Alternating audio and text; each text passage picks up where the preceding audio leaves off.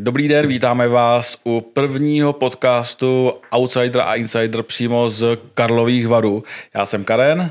A já jsem Karolína. Karolíno, tak jak se ti líbí zatím v Karlových varech?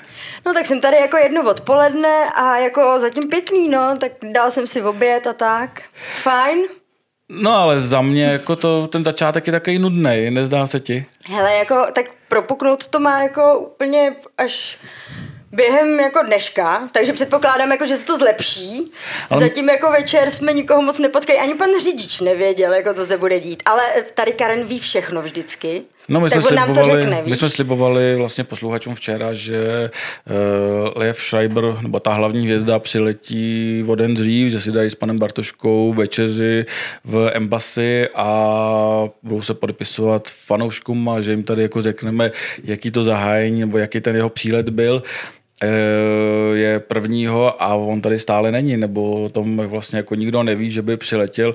Za mě je to vlastně takový nejnudnější začátek Karlovarského festivalu a přiznám se, že nebýt Vojty Kotka a Sandry Novákové a Evy Perkauzové, které v Karlových Varech vůbec nejsou, tak si myslím, jako, že ten začátek varu by byl dost nudný.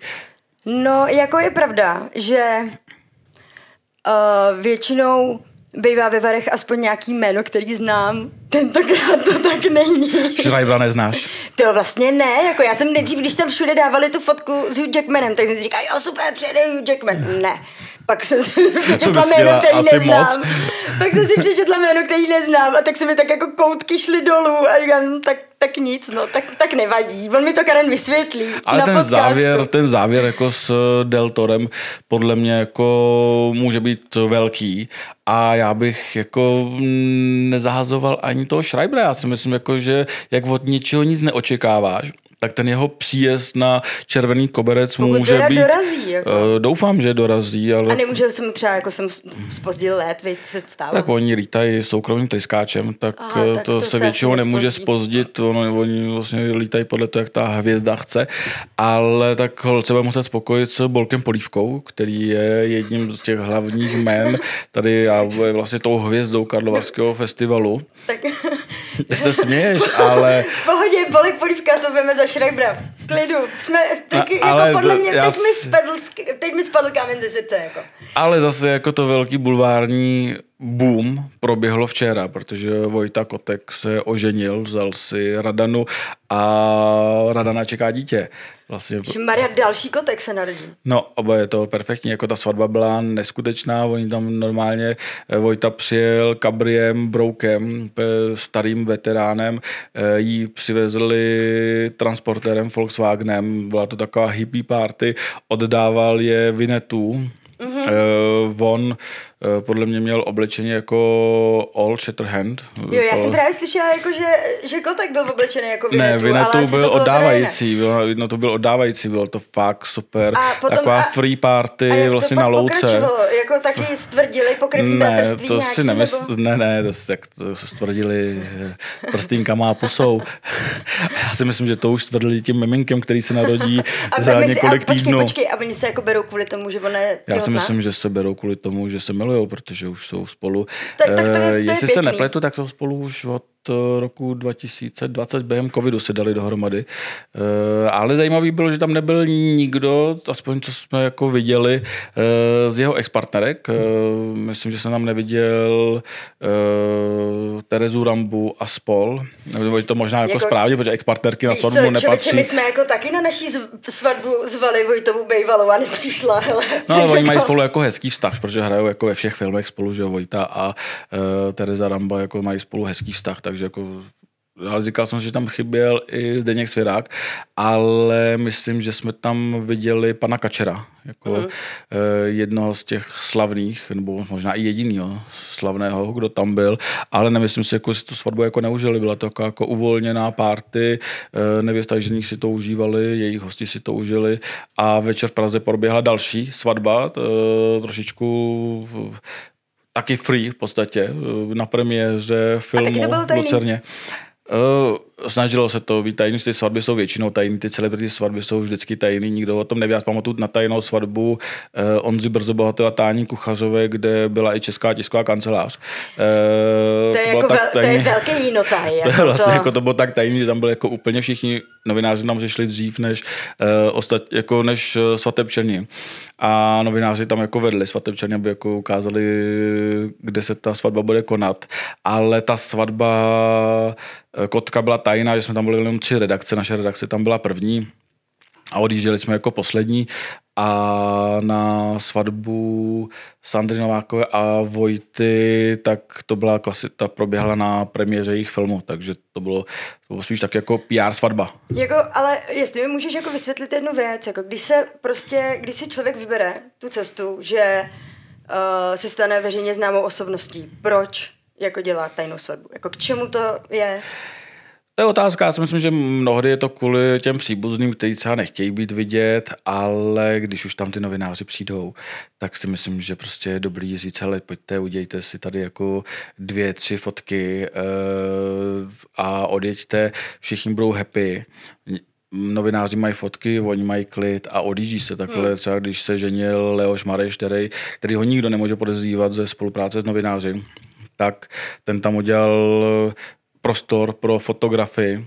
Fotografové vyfotili eh, všechny vlastně hosty, svatební hosty, jako všechny vyfotili. Eh, byl tam prostor i na rozhovory a věděl se třeba, že v 18 hodin přijde Mareš tehdy s Monikou, myslím, tu jeho první svatbu s. Monikou, tehdy poslušnou, přijdou, přijdou jako před ten zámek, udělají se fotky a půjdou jako pryč. Když se ženil po druhý, tak o té svatbě podle mě nevěděli ani jeho přátelé, to byla super tajná svatba o pár lidech a to jako už chtěl jako utajit. Hmm, hmm. Ale když už jako tam přijou ty novináři, se jako o tom, jako, to jako proflákne, no, tak si myslím, jako, že je lepší. Jako... Jasný. No jako předpokládám, že ale svatební koláčky vám nikdo nepřines. Že? Svatební koláčky nám podle mě naposledy přinesla Agáta Hanichová, která si brala Jakuba Prachaře, tak tam jako svatební koláčky proběhly. No tak to je aspoň, aspoň někdo, aspoň ta Agáta to zachránila. No jako. No právě, já se těším na tu její další svatbu s Jaromírem Soukupem, Protože no, už svatba... se těšíme na koláčky, jak já to jako. Doufám, že je přivezou do Varu, protože mají sem přijet do Karlovy Varu. Já myslela, že to, že jsou na té dovolený a ještě ne, nedávno dávala do Jaromír Soukup už je v Praze. Lásko. Jaromír Soukup už je v Praze. Agáta tam má být někdy do konce tohoto týdne, se říká, že mě, mě psala, že tam bude do 3.7., tak uvidíme, říká se do 4.7., tam je s celou rodinou, myslím tím maminku, sestru, obě děti a po návratu do Česka se prý chystají do varu. Já si myslím, že to bude velké. My jsme včera na kolonádě viděli fotit eh, Emu Smetanu, nějakou kampaň Špulila zadeček na kolonádě. Eh, fotky exkluzivně jsou na Extra.cz, podívejte se, fakt o to nemůžete přijít. Takže vyšpulila a... tady zadeček na no, našeho fotografa, jo? Eh, přesně a už se strašně těším, až tady bude cokoliv špulit Agáta s Jaromírem Soukupem. Jo, já si myslím, že ty vyšpulej cokoliv. No, jako. jsem zvědavý, jestli i ty naše fotky budou tak super retušovaný jako ty, které nedávno vyšly v magazínu Jaromíra Soukupa. Hele, ale já jako bych tak jako doufala aspoň, že teda jako když ten Soukup bude s tou Agátou, jakože trošku s ním bude větší sranda.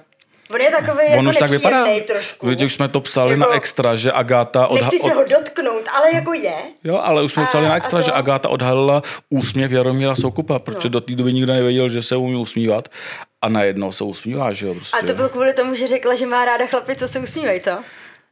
No, Nebo se který má sranda. No něco tak takového řekla, něco takového jako řekla, ale tohle bylo vlastně z té dovolený. Jo, jo, Fotky jo, z dovolený, to je pravda, že jo? Prostě. To je prostě. pravda tak se necháme překvapit, kdo přijede, jaký to bude, bude velký příjezd, se očekává. No hlavně, aby Agátu nepřišel smích potom. Ale tak doufejme, že ne. Doufejme, že ne.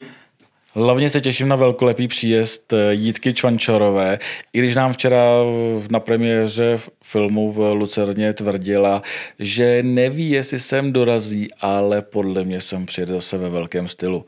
No tak jako tohle to si nemůže nechat ujít, že jo? Zvlášť, když zase může přijet s takovou velkou pompou, jako třeba minulý rok.